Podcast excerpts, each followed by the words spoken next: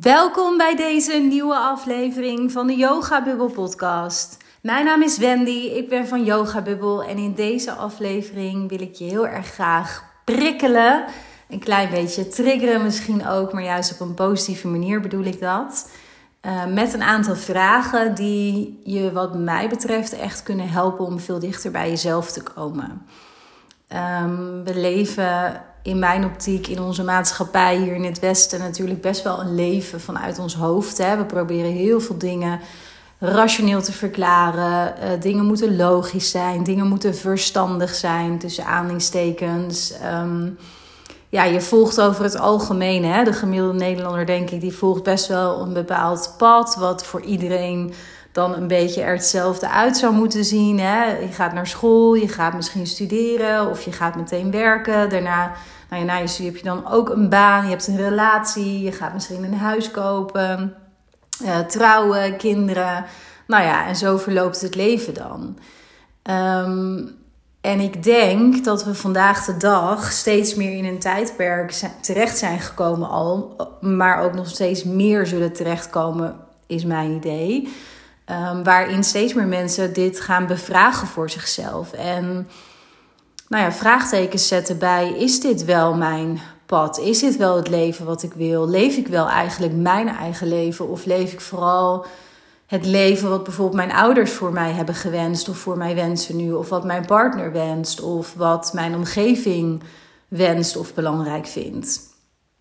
En ik denk dat het vaak ook niet heel extreem hoeft te zijn. Hè? Dat het niet per se zo hoeft te zijn dat jij voelt van, oh, het leven wat ik tot nu toe heb geleefd is echt helemaal niet voor mij. Wat verschrikkelijk. En ik wil het echt gewoon helemaal totaal anders. Ik denk dat het veel vaker gebeurt, en dat is ook wat ik bij mezelf heel erg heb ervaren, dat er echt wel elementen zijn in je leven en, en bijvoorbeeld je opleiding of je baan of je relatie of nou ja, wat dan ook. Maar dat er echt wel elementen zijn in je leven waar je heel gelukkig mee bent en waar je goed bij voelt en die bij je passen.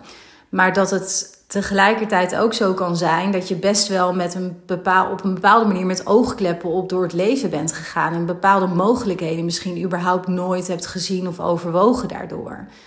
Ehm, en voor mijzelf is dat, is dat bijvoorbeeld ook echt het geval geweest. Als ik terugkijk nu uh, op mijn leven tot op heden. Dan heb ik zeker in mijn, mijn tiende jaren, maar laat ik vooral ook mijn twintiger jaren pakken. En het eerste deel ook van, nou ja, dat ik begin 30 was, maar vooral mijn twintiger jaren. Die heb ik wel heel erg geleefd op een manier en, en keuzes daar gemaakt die gewoon heel erg standaard waren. Hè? En die heel erg passen in dat plaatje wat ik net schetste. In dat generieke plaatje van wat dan, wat dan stappen zijn in je leven. Um, en ik heb die op dat moment zelf ook nooit bevraagd, omdat ik geen mensen in mijn omgeving had die het anders deden. Dit was gewoon hoe het ging. En nou ja, op dat moment was ik wel, ik ben altijd al wel met um, zelfreflectie en persoonlijke ontwikkeling bezig geweest. Alleen toen was ik natuurlijk nog een stuk jonger en ik had geen mensen in mijn omgeving die daar echt heel erg mee bezig waren. Ik las wel boeken, weet ik al, vanuit die tijd over persoonlijke ontwikkeling. Maar ja, ik denk dat we afgelopen vijf à tien jaar met name dat dat hele, nou, die hele zelfreflectie, hele persoonlijke ontwikkeling, dat heeft ook wel een vlucht genomen. Hè? En we hebben natuurlijk nu tegenwoordig ook allemaal inspirerende social media accounts die je daarop kan volgen. Dat was toen ook niet. Um, podcast die je kan luisteren, dat was er toen ook niet. Uh, althans niet in de, in de mate waarin dat nu is. Um, dus ja, het was voor mij ook gewoon een gegeven dat ik dus na mijn middelbare schooltijd, dat ik naar de universiteit ging, dat ik ging studeren, dat ik een jaar naar het buitenland ging. Dat ik daarna mijn eerste baan uh, kreeg, dat ik ging samenwonen met mijn toenmalige uh, relatie mijn eerste huis kocht. Nou ja, zulke dingen. En dat ik vooral ook heel hard investeerde in mijn carrière. Want ja, mensen zeiden tegen mij: je bent slim, uh, je kunt dit. En je kunt op jonge leeftijd al heel veel bereiken. Dus deed ik dat op die manier. En ik heb dat nooit bevraagd. Het was ook niet zo, want dat vind ik dus ook belangrijk om te onderstrepen. Omdat er soms een beetje iets aankleeft van ja, dat je dan alles maar, um, hoe zeg je dat, de baby met het badwater weg moet gooien. Dat is helemaal niet uh, waar ik zelf voor sta of in geloof. Want het was namelijk in mijn geval bijvoorbeeld ook niet zo dat ik wat ik deed, in, als ik mijn baan even als voorbeeld gebruik, dat ik dat niet boeiend vond. Dat vond ik wel. Ehm, en als ik daar nu op terugkijk, dan. En me nu zou voorstellen dat ik weer dergelijk werk zou gaan doen, dan zou ik daar inhoudelijk zou ik dat prima vinden. Want ik heb altijd mijn vak, uh, wat ik heb uitgeoefend, altijd heel erg leuk gevonden. Dus daar, daar lag het helemaal niet aan. Wel waren er zo van die fases in mijn leven, en dat herken je misschien wel, waarin ik wel voelde van, is dit het helemaal? Zo'n vraag hè, die dan oplopt. Een beetje zo'n existentiële vraag van, is dit het wel? Waar ben ik eigenlijk dan mee bezig? Alleen dan neemt het leven het weer over. En nou, wat ik net zei, je vindt het ook eigenlijk wel oké. Er zitten ook hele leuke dingen in. Um, het is echt niet dat je ongelukkig voelt of zo. Dus dan ga je door. Je bewustzijn is vaak ook nog wat lager als je nog niet echt nou ja, op een punt bent gekomen dat je met je hoofd tegen de muur loopt. Hè? Op welke manier dan ook. En, en dat het leven van je vraagt op dat moment om stil te gaan staan. Dus ik race ook maar door en zat extreem in mijn hoofd. En ik denk dat dat voor heel veel mensen in onze maatschappij zo is. Zoals ik ook deze aflevering startte omdat dat ook een beetje inherent is aan het leven hier volhouden, zou ik willen zeggen. En dat klinkt misschien een beetje negatief, zo bedoel ik dat niet. Maar we hebben hier wel een leven gecreëerd met elkaar, maatschappij, laat ik het zo zeggen, waar het tempo natuurlijk heel hoog ligt en er heel veel verwachtingen zijn. En er dus een bepaald pad is bedacht ooit, wat dan een soort generiek pad zou moeten zijn. Wat natuurlijk, als je even met afstand daar naar kijkt, natuurlijk echt heel raar eigenlijk is. Want we zijn met heel veel mensen, elk mens is verschillend om te zien, maar zeker ook qua inborst, qua eigenschappen, qua talenten. En elk mens heeft zijn of haar talenten. Maar het is natuurlijk een beetje vreemd dat we dan denken dat we allemaal in één bepaald keurslijf qua pad en qua keuzes die je daarbinnen maakt, dat dat dan voor iedereen het juiste zou zijn. Terwijl je dus allemaal zo verschillend bent by nature.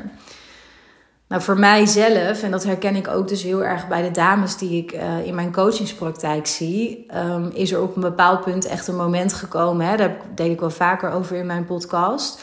Um, dat ik echt dus, wat ik net ook zei, met mijn hoofd tegen de muur aanliep. En dat het voor mij niet langer mogelijk was om al die ballen die ik in de lucht hield ook daadwerkelijk daar te houden. En dat ik echt voelde, het is nu tijd voor mij. Het is nu tijd om stil te gaan staan, om echt te gaan voelen, om uit mijn hoofd te gaan, om eigenlijk mezelf voor het eerst in mijn leven echt in de spiegel aan te kijken en te leren kennen. Want ja, in mijn geval had ik mezelf wel heel veel patronen eigen gemaakt vanuit allerlei conditioneringen die ik vanuit mijn jeugd, maar ook later in mijn uh, jonge volwassenheid had opgedaan om mezelf maar overeind te houden. En daar had ik gewoon heel veel gedrag eigenlijk een beetje te ontrafelen en allemaal soort van vast te pakken en te kijken van ben ik dit echt? Is dit echt wie ik wil zijn? Is het aangeleerd en heb ik hier wellicht ook weer iets af te leren om gewoon weer Wendy te kunnen zijn? Nou, voor mij kwam er toen een heel uh, transformatieproces, zou ik willen zeggen, achteraan. Waar ik, uh, wat echt niet altijd makkelijk is geweest, maar waar ik tot op de dag van vandaag intens dankbaar voor ben dat ik dat, ja, dat dat is gebeurd. En dat ik dat ook vooral zelf ben aangegaan. Want dat heeft uiteindelijk gemaakt dat ik echt keuzes kon gaan maken die bij mij klopten. En niet bij wat uh, nou, mijn ouders bijvoorbeeld van mij hadden verwacht. Of mijn toenmalige partner van mij wenste. Of wat dan ook. Maar gewoon echt mijn leven gaan leven. En ja, ik zeg wel eens vaker van als jij niet jouw leven leeft. Wat is dan bijna de zin van jouw leven? Want je bent hier op aarde uiteindelijk maar om één ding te doen in mijn beleving. En dat is jouw leven leven. En dat kan niemand anders voor jou doen. En niemand op de manier doen zoals jij dat kunt. Want dat is jouw leven. En voor mij in het proces waarin ik toen terecht kwam, ehm, was eigenlijk het allerbelangrijkste dat ik mezelf hele goede vragen ging stellen. En dat ik ook een coach had op dat moment die me ook hele goede vragen stelde. En juist door die vragen en door die ook eerlijk aan te kijken natuurlijk en eerlijk te beantwoorden, um, kwam ik steeds dichter bij mezelf en leerde ik ook wat het betekende, wat het verschil eigenlijk was tussen keuzes maken vanuit je hoofd vanuit ratio, vanuit verstandelijkheid, vanuit logica en keuzes maken vanuit mijn dieper weten, intuïtie, hartgevoel. Het is maar welke naam voor jou zeg maar prettig voelt, wat bij jou resoneert, maar vanuit dus een andere plek, vanuit een diep voelen van, oh, dit, dit wil ik nu. Dit voelt zo goed. Ook al is het misschien niet in je hoofd een keuze die je op dat moment logisch vindt of kunt verklaren. En nu, heel veel jaren later, dat is natuurlijk ook iets wat je door ervaring moet leren en waar je vertrouwen dus ook echt doorgroeit daarin. Want nu jaren later heb ik zo vreselijk veel keuzes al op die manier gemaakt. Hè? Echt vanuit dat voelen, terwijl mijn hoofd soms een totaal andere richting op zei te moeten. Ehm, maar dan koos ik er toch bewust voor om vanuit dat dieper weten te kiezen en, en die richting aan te houden. En ondertussen is het echt 10 uit 10 dat dat de juiste keuzes voor mij zijn geweest. En daar krijg je natuurlijk ook vertrouwen van. Hè? Als je dat gaat proberen en je gaat voor jezelf merken van... oh ja, dat werkt echt goed en dat klopt altijd. En ik zeg daarmee dus niet dat je je hoofd niet moet gebruiken. Want dat is natuurlijk onzin. Dat hebben we gekregen, ons brein. Niet voor niets. En ik gebruik mijn hoofd heel veel, omdat ik het ook heel leuk vind om te denken. Ik denk ook veel. Ik vind het leuk om verbanden te leggen. Ik vind, ben heel leergierig. Dat doe ik allemaal met mijn brein. Dus dat zet ik wel degelijk in. Maar ik zet mijn hoofd heel bewust veel meer in voor het hoe. En nou ja, gewoon het hoe, zeg maar, hoe doe ik iets. En, en planning en dat soort praktische dingen. Maar echt het wat ik kies en waarom ik dingen kies, dat, dat beslist mijn hoofd niet langer. En natuurlijk hè, maak ik ook daarin wel weer eens even een soort van nou ja, foutjes hier, zo zie ik het niet. Maar um, ga ik te snel dan vaak in mijn geval? Hè? Dus, dus als het mij gebeurt, dat, dat gebeurt bijna niet meer. Maar als ik een keuze toch weer te veel wil maken vanuit mijn hoofd. Waardoor ik als bijproduct daarvan echt bij mezelf vandaan beweeg. Want ik ben niet mijn denken en mijn hoofd, zo zie ik dat. Uh, en ik geloof dat dat voor jou exact hetzelfde is. Um, maar dan, dan merk ik bij mezelf dat al heel snel op daarna, als ik dus een keuze maak vanuit mijn hoofd, dat het gewoon niet de juiste is. Maar natuurlijk gebeurt mij dat ook af en toe. We zijn allemaal mensen. Ik denk dat het ook heel belangrijk is dat je daarin niet uh, irreële verwachtingen van jezelf hebt. Want terugkomend bij die maatschappij, bij die omgeving waarin wij hier leven, zet die mensen op een rij. En met alle respect, maar acht van de tien mensen, zeven van de tien mensen zal het heel erg normaal vinden dat ze die logica volgen. En zullen jou heel vreemd vinden als jij echt gaat leven vanuit jouw dieper weten, je instinct, je intuïtie. En daar keuzes op basis daarvan keuzes gaat maken. Um, dat zullen heel veel mensen toch een beetje nou ja, bewonderen, maar ook wel, wel spannend vinden, niet begrijpen, misschien een oordeel over hebben, je dom vinden of wat dan ook. En daar heb je het ook een beetje mee uit te zingen, hè, ergens, omdat je daarin helemaal geen verantwoording verschuldigd bent aan wie dan ook, behalve aan jezelf. Um, maar het is wel zo dat als je zo gaat leven, dat ervaar ik zelf ook, dan um, ja, blijft het bij tijd en wijle een uitdaging. Ook voor jezelf. Ook al zit je, ben je heel erg bij jezelf. Um, heb je ook allerlei dingen waardoor je gewoon steeds weer op jezelf kunt afstemmen. Weet je wel, ben je daar gewoon heel bewust van. Zoals ik voor mezelf dat ook elke dag opnieuw uh, zoveel mogelijk probeer te doen. Maar de omgeving uh, hier en onze maatschappij, die zal je blijven uitdagen en blijven prikken. En daardoor kan het soms best wel zo zijn dat je toch weer eventjes wat van jezelf vandaan beweegt. En wat meer vanuit die conditioneringen, vanuit je gedachten en wat logica is, et cetera. Alleen maar je belangrijke keuzes gaat maken. En op het moment dat je hebt geleerd om dat op een andere manier te doen, is het dus niet zo dat het niet meer gebeurt. Maar je zult het wel veel sneller opmerken. En dan ook weer opnieuw kunnen afstemmen op jezelf. Hè? Van oké, ik heb gisteren heb ik A gezegd. Maar ik geef mezelf de ruimte om vandaag erop terug te komen. Want het is niet de correcte keuze voor mij. Ik heb dit te veel vanuit mijn hoofd gedaan. En dat klopt voor mij niet. Als dat is wat jij zou voelen. Hè? Dus voor mij werkt dat zo. Um, nou, in deze aflevering wil ik heel erg graag, omdat ik net zei, hè, wat mij heel erg heeft geholpen bij het proces van dichter bij mijzelf komen. Dat zijn het stellen van goede vragen aan mezelf maar ook door middel van dat ik podcast ging luisteren, dat ik boeken ging lezen, dat daar goede vragen in stonden. En dat ik ook een hele goede coach had. Die verder keek dan alleen maar het hoofd. En heel erg ook bezig was met nou ja, weer verbinding maken met jezelf, met wie jij ten diepste bent, met je lichaam, waar je intuïtie en je dieper weten uiteindelijk in huizen, wat mij betreft. Uh, en dat is ook een inspiratiebron voor mij geweest in hoe ik vandaag de dag mijn coachingstrajecten vormgeef. Maar het leek me leuk om in deze aflevering drie vragen met je te delen. En ik kan er serieus al 10 of 15 bedenken. Maar ik heb even nagedacht van wat zijn nou drie vragen die meteen ook een beetje echt prikkelen. Klein beetje kunnen triggeren ook. In positieve zin bedoel ik dat nogmaals. Um, waar je dus mee aan de slag kan als je deze aflevering hebt beluisterd. Want um, ik wil je echt even uitdagen hierin met deze vraag. Om dus even pen en papier te pakken. Dan wel even de podcast op te zetten. En het even in je telefoon te noteren. Als je op dit moment geen pen en papier bij de hand hebt. Uh, maar ik wil je echt even uitdagen om het op te schrijven, deze vragen. En hier ook daadwerkelijk um, mee aan de slag te gaan. Ze ook echt te gaan beantwoorden. Dus ook echt wat mee te doen. Want bewustzijn, dat is altijd waar groei begint. Altijd. Zonder bewustzijn kun je namelijk niet groeien, zou ik willen zeggen. Kun je niet andere keuzes maken. Kun je niet uh, conditioneringen ontrafelen, uh, aangeleerd gedrag loslaten, beperkende overtuigingen loslaten en andere keuzes gaan maken. Um, maar het gaat uiteindelijk ook voor mij heel erg om het doen. Want kennis, bewustzijn is één ding. Maar als jij vervolgens niet gaat handelen en geen ander gedrag gaat vertonen, ja, wat heb je daar dan in feite aan, toch? Dus ik wil je echt uitdagen met deze aflevering om deze vragen die ik nu met je ga delen op te schrijven. Allereerst en daarna dus ook echt in alle eerlijkheid voor jezelf te beantwoorden. Um, en schrijf ze op, echt met de hand. Op de een of andere manier zit er voor mij ook altijd een bepaalde magie tussen aanleidingstekens in het echt met de hand uh, schrijven. Ook als ik bijvoorbeeld bij mijn coachdames, uh, als ik die opdrachten geef, uh, waarbij ze ook reflecteren op zichzelf, dingen naar boven halen, dat ik ze dus inderdaad bepaalde goede vragen stel, dan probeer ik ook altijd aan te geven van het is belangrijk dat je kiest wat voor jou past. Hè? Als je wel het gewoon op je laptop uit wilt tikken, ook prima. Of op, in WhatsApp het zelfs uit wilt tikken, voor mij prima. Um, maar er zit een bepaalde kracht en magie, is mijn ervaring in het gewoon met de hand opschrijven. Omdat dat veel vloeiender vaak gaat, omdat daar ja, een bepaalde flow ook in kan ontstaan. Hè? Juist ook weer van dat, die, vanuit die intuïtie.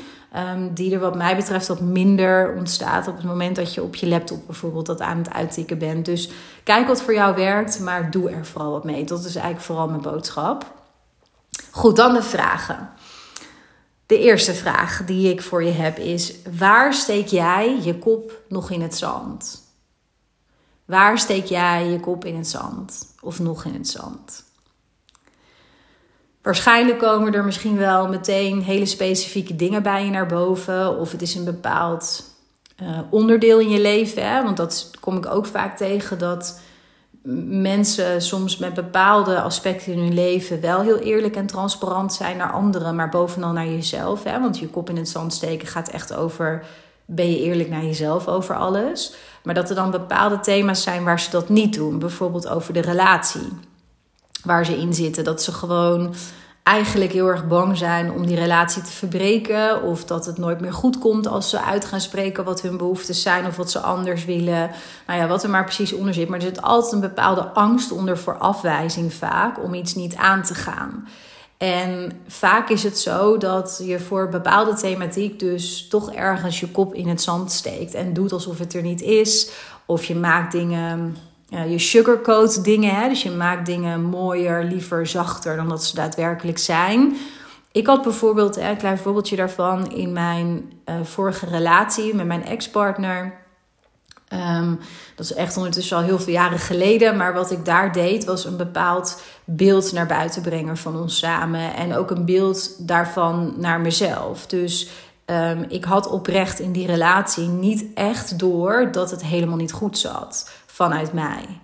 Um, omdat ik het namelijk heel erg sugarcoatte. Omdat ik namelijk heel erg overdreven bijna soms kon doen van... oh, ik ben zo gek op hem, ik ben zo verliefd op hem. Kon ik heel expliciet benoemen, jarenlang nog. Um, ook op momenten dat het eigenlijk helemaal niet aan de orde was of zo. Of dat, het niet, dat ik het helemaal niet zo voelde. Maar belangrijker dat het ook helemaal niet per se momenten waren... waarop dat een... Um, nou ja, iets was om te uiten, zeg maar. Hè? Om maar te onderstrepen bij mezelf, als ik daar nu op terugkijk, dat het allemaal wel goed zat hoor. Dat er helemaal niks aan de hand was en dat ik heel gelukkig met hem was. Terwijl ik eigenlijk gewoon steeds leger werd van binnen en steeds minder mezelf kon zijn. En er steeds minder Wendy ook overbleef, omdat er geen ruimte was voor mij in die relatie.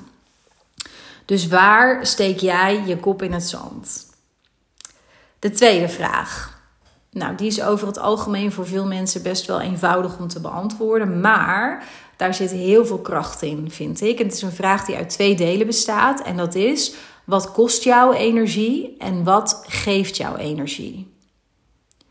En dat wat mag je ook vervangen door wie, want dat is minstens zo belangrijk, zo niet belangrijker. Dus wat in jouw leven op dit moment, als je daar gewoon even voor gaat zitten en op reflecteert, kost jou heel veel energie. Dan wel wie kost jou heel veel energie? En wat geeft jou heel veel energie? Dan wel wie geeft jou heel veel energie? En ik denk dat je voor jezelf wel begrijpt en voelt wat het verschil daartussen is. Hè? Dus we kennen allemaal wel situaties of mensen of dingen die je moet doen voor je gevoel waar je niet onderuit kunt, die je helemaal leegzuigen. Dat je daarna echt denkt, nou, raad mij maar bij elkaar. Ik, uh, ik kan niks meer nu, zeg maar, qua energie. Behalve als ik mezelf helemaal op wilskracht ergens doorheen duw. En we kennen ook allemaal wel momenten of situaties dat je denkt: Oh, ik voel mezelf echt on top of the world nu. Ik bubbel helemaal van binnen. Ik bruis. Ik voel me geïnspireerd. Ik voel me helemaal blij en gelukkig. En wat kan ik nog meer doen nu? Want ik barst van de energie, dat gevoel. Nou, probeer voor jezelf eens eerlijk op te schrijven van wat kost je energie op dit moment en wat geeft je energie. Als het gaat over mensen daarin, wees daarin ook eerlijk hè, naar jezelf. Want je hoeft dit met niemand te delen. Al stop je waar je het opschrijft zo meteen heel diep onder in een la ergens weg. Maakt me niet uit. Maar wees voor jezelf in eerste instantie eens eerlijk. Want het is niet erg om aan te geven of eerlijk naar jezelf te zijn dat een bepaald persoon in jouw leven bijvoorbeeld je helemaal leegzuigt.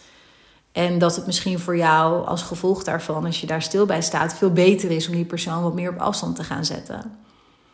Want het huis toch in jou. En hoe harder jij ergens tegen vecht, dat, dat geldt in het algemeen wat mij betreft, hoe meer weerstand jij toont of laat zien. En hoe harder je vecht tegen dingen die er toch zijn, die je toch voelt, hoe naarder het wordt uiteindelijk. En hoe zwaarder het ook voor je gaat voelen. Dus wees daarin eerlijk voor jezelf. Wat kost je energie en wat geeft je energie? De derde vraag waar je op mag reflecteren, dat is de vraag: wat heb je altijd al willen doen in je leven? Of wat wil je op dit moment heel graag doen? Dat kan ook zijn dat het pas er kort is. Maar durf je niet? Ben je bang voor? En doe je dus uiteindelijk ook niet. Dus wat heb je altijd al willen doen in je leven wat je gewoon nooit hebt gedurfd? Dan wel wat speelt er op dit moment wat je heel graag zou willen doen? Of waar je naartoe zou willen of wat dan ook. Het kan van alles zijn. Maar doe je niet omdat je er bang voor bent of niet durft. Het zijn hele waardevolle vragen ook, omdat er vaak merk ik ook bij uh, mijn coachdames dat er altijd wel al sparks zijn geweest in hun leven. Um, waarin ze hebben gevoeld van, oh, maar dit zou ik echt zo graag willen. Ik zou zo graag een wereldreis willen maken. Of ik zou zo ontzettend graag die fantastische partner naast me willen hebben. Die mij echt helemaal ziet, die ik helemaal ziet. En dat we echt 1 en 1 is 3 zijn. Ehm, ik zou zo graag een keer een tijdje in het buitenland willen wonen, maar ik doe het niet. Ik zou zo graag mijn eigen bedrijf op willen richten, want ik heb echt zo'n tof idee. Alleen niemand gelooft me om me heen. Iedereen vindt dat ik dom ben als ik deze keuze maak, want ik heb een hele goede baan, dus ik doe het niet. Belangrijk hierbij, hè, om dus open hier dit voor jezelf op te kunnen schrijven. Je hoeft hier helemaal geen actie in te ondernemen hierna. Het is niet zo dat ik je deze vraag meegeef, zodat je morgen je baan op gaat zeggen, bijvoorbeeld of je relatie gaat beëindigen. Verre van, verre van. Dat heeft hier te maken met wat ik net in het begin zei. Hè. Ik ben helemaal niet iemand, in persoon niet, maar ook niet zoals coach Um, die ooit zou zeggen dat je de baby met het badwater weg moet gooien. Dat is super stom en zonde wat mij betreft. Nou ja, stom is niet zo'n leuk woord, maar het is echt doodzonde. Um, ik denk niet dat het je helpt om impulsief te handelen. Ik denk wel dat het je heel erg helpt om eerlijk te zijn naar jezelf en heel diep te reflecteren. Um, de antwoorden op deze vragen dus eerlijk op te schrijven en daar te beginnen. Dat gewoon rustig te laten marineren als het ware rustig te laten sudderen. Misschien lees je het nog eens over en kun je daarna denken: oké, maar als dit in mij zit, Wat kan ik doen om misschien morgen, volgende week, volgende maand, maar een stapje dichter te komen bij die realiteit? Want uiteindelijk wat je altijd al hebt willen doen, maar niet hebt gedurfd, dat is een vraag die je echt met je dieper weten, met je intuïtie, met je hart te beantwoorden hebt. Want je hoofd zal altijd proberen om jou veilig te houden, altijd jou in het bekende proberen te houden, in het comfortabele, omdat dat ook enigszins de taak is van je hoofd. Hè? Dat is ook logisch. En gelukkig ook maar, want als we ons hoofd en onze conditioneringen en ons brein niet zouden hebben. Want daar, daar gaat soms ook een beetje een soort van negatieve lading komt daarop te zitten. Maar ik vind dat ook jammer, want het is er niet voor niets. Hè? Je hoofd en jouw conditioneringen, die hebben je waarschijnlijk ook heel veel jaren tussen aanleidingstekens veilig gehouden. Letterlijk misschien, maar voor heel veel mensen ook op emotioneel vlak. Dus meer figuurlijk. Voorbeeldje, praktisch voorbeeldje. Als ik niet altijd had gepleased in mijn vorige relatie ik chargeer even, hè, maar als ik niet zo'n grote pleaser was geweest, dan had ik het emotioneel helemaal niet aangekund. Dan was ik met de grond, ja, was ik gewoon door mijn hoeven gezakken, gezakt. Enorm. Enorm. Dus dat pleasen, dat is voor mij niet gezond, vanzelfsprekend niet. En dat had ik aan te kijken. Ik had de bron daarvan ook aan te kijken, de wortels eruit te trekken. Mezelf heel bewust te worden van in welke situaties ik getriggerd word om please gedrag te vertonen. En van daaruit kon ik het ook doorbreken, duurzaam, het loslaten en ook ander gedrag gaan laten zien. Wat veel gezonder voor mij is. Ik kon leren begrenzen. Ik kon leren mijn behoeftes uit te spreken. Me veilig te voelen bij mezelf. Mezelf te leren dragen. Uiteraard was dat waar ik naartoe te bewegen had. Maar voor ik daar kon komen, had ik nog een hele slag te slaan. Had ik mijn les nog heel erg te leren daarin. En daarvan moest ik eerst gewoon ja, met mijn hoofd tegen de muur aanlopen. En moest ik dat patroon van pleasen, in mijn geval, helemaal tot in de finesses eigenlijk beheersen. En moest ik dat gewoon duizend keer meemaken. En duizend keer nog harder gaan rennen, omdat het gewoon niet genoeg bleek te zijn. En zonder dat pleasen, nogmaals, dat heeft me in die tijd ook heel veel gebracht. Omdat ik anders gewoon niet overeind had kunnen blijven. Niet in die relatie, niet in mijn familiesysteem, nergens in. Want ik was met de grond op emotioneel vlak hè, was ik met de grond gelijk gemaakt. En op dat moment, de Wendy van toen, kon dat niet dragen. Die had daar nog een heel stuk aan zichzelf leren dragen, te ontwikkelen. En dat is een beetje mijn punt van deze derde vraag: hè, van wat heb je altijd al willen doen, maar durf je niet? Um, dat is er eentje die echt vanuit je hart komt. En nooit vanuit je hoofd, omdat je hoofd dus zal proberen om jou veilig te houden. En veiligheid betekent gewoon dezelfde patronen steeds opnieuw blijven herhalen, want dat is bekend. En dat is dus tussen aanleidingstekens veilig voor jouw brein. En op het moment dat jij een bepaalde angst voelt of iets niet durft of er zit iets anders onder wat je heel spannend vindt, waarom je dus iets tot nu toe nog niet hebt gedaan, terwijl je wel voelt, oh, zou ik heel erg graag willen doen of willen leren of willen ervaren of wat dan ook. Ja, dan heeft dat 100% te maken in alle gevallen in mijn beleving met je hoofd en met beperkende overtuigingen. Dat wat jij jezelf bent gaan uh, wat jij bent gaan aannemen als een waarheid die jou helemaal niet dient. En dus is het beantwoorden van deze vraag zo interessant om wat dichter bij jezelf te komen. Nou, nogmaals, ga echt iets doen met deze drie vragen. Schrijf ze echt voor jezelf op. Reflecteer erop. Pak lekker een kop koffie, een kop thee, een glas wijn, weet ik veel. Maar zet steek kaarsen aan. Maak er een fijn moment van. Stem op jezelf af en ga dit beantwoorden voor jezelf. Als je daar met iemand over kan praten, die het ook, die jou helemaal ziet, die jou begrijpt, die jou misschien ook goede vragen weer terug kan stellen, dan is dat fantastisch. Fantastisch. Als dat niet kan, als jouw situatie op dit moment anders is, is dat ook oké. Want het gaat om jou en het gaat om wat jij voelt en hoe jij dichter bij jezelf kunt komen van binnen. Dus in feite heb je daar ook niet per se iemand nu bij nodig. En zet dan gewoon de eerste stap naar echt eerlijk zijn naar jezelf. Wat echt een major stap al is. Enorm groot. Want ja, als je niet eerlijk bent naar jezelf, kun je dus ook niks aanpakken. Dus die eerlijkheid naar jezelf is allereerst super belangrijk. Voorbij gêne, voorbij schaamte, voorbij schuldgevoel. Gewoon voor jezelf. Schrijf het eens op, leg het eens weg, lees het eens opnieuw een paar dagen later en kijk voor jezelf wat het met je doet. En kijk voor jezelf wat het jou zegt, wat je hebt opgeschreven hierover. En hoe je misschien, hoe dit je kan helpen om misschien toch andere stappen te gaan zetten in je leven. Om meer jouw leven te gaan leven eigenlijk. En als je voelt, ik vind dit, dit is helemaal, dit past bij mij, dit resoneert bij mij. Um, ik voel dat ik ook op een soort breukvlak in mijn leven staat. Gevoel van persoonlijke groei wat door me heen beweegt. Uh, oude stukken die ik los te laten heb. Ik weet alleen niet zo goed hoe ik dat doe. En het lukt me niet om bepaalde patronen duurzaam te doorbreken. Nou ja, wat dan ook. Of er komen voor jou bepaalde inzichten uit het beantwoorden van deze vragen. En je voelt, daar moet ik echt mee aan de slag. En ik heb geen idee waar ik moet beginnen. Dan zou een coach heel goed kunnen helpen. En voor iedereen is er iemand. Um, het hangt er ook heel erg af wat bij je past. Hè. Ik heb in het verleden, wat ik net al vertelde, ook gebruik gemaakt van een coach. Uh, voor andere mensen werkt een psycholoog heel goed. Voor weer andere mensen is een therapeut helpend. Uh, maar als dit bij je resoneert en je hebt misschien wel vaker iets van mij beluisterd, dan je volgt mij op Instagram.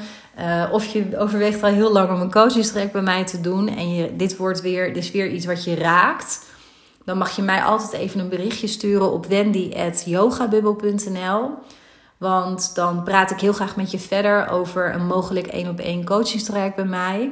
Um, ik doe daar altijd een vrijblijvende kennismaking eerst voor via Zoom omdat ik het belangrijk vind om je even te zien, je te horen spreken, uh, iets meer over je achtergrond te horen, um, de dingen waar je tegenaan loopt. En op dat moment kan ik ook meteen goed inschatten of ik denk dat je goed te kunnen helpen. En daar zal ik uiteraard altijd integer en eerlijk in zijn. Dus als je dat voelt, stuur me even een berichtje op wendy.yogabibbel.nl. Want ik denk heel graag met je mee. En ik hoop vooral dat dit je heeft geprikkeld, je ergens een beetje heeft getriggerd in positieve zin. En dat deze vragen je gaan helpen om wat dichter bij jezelf te kunnen komen. Want dat verdien je en dat is uiteindelijk ook waar je jouw leven, vanuit welke plek je jouw leven echt kunt leven, vanuit jouzelf. Dankjewel voor het luisteren en wie weet tot een volgende keer.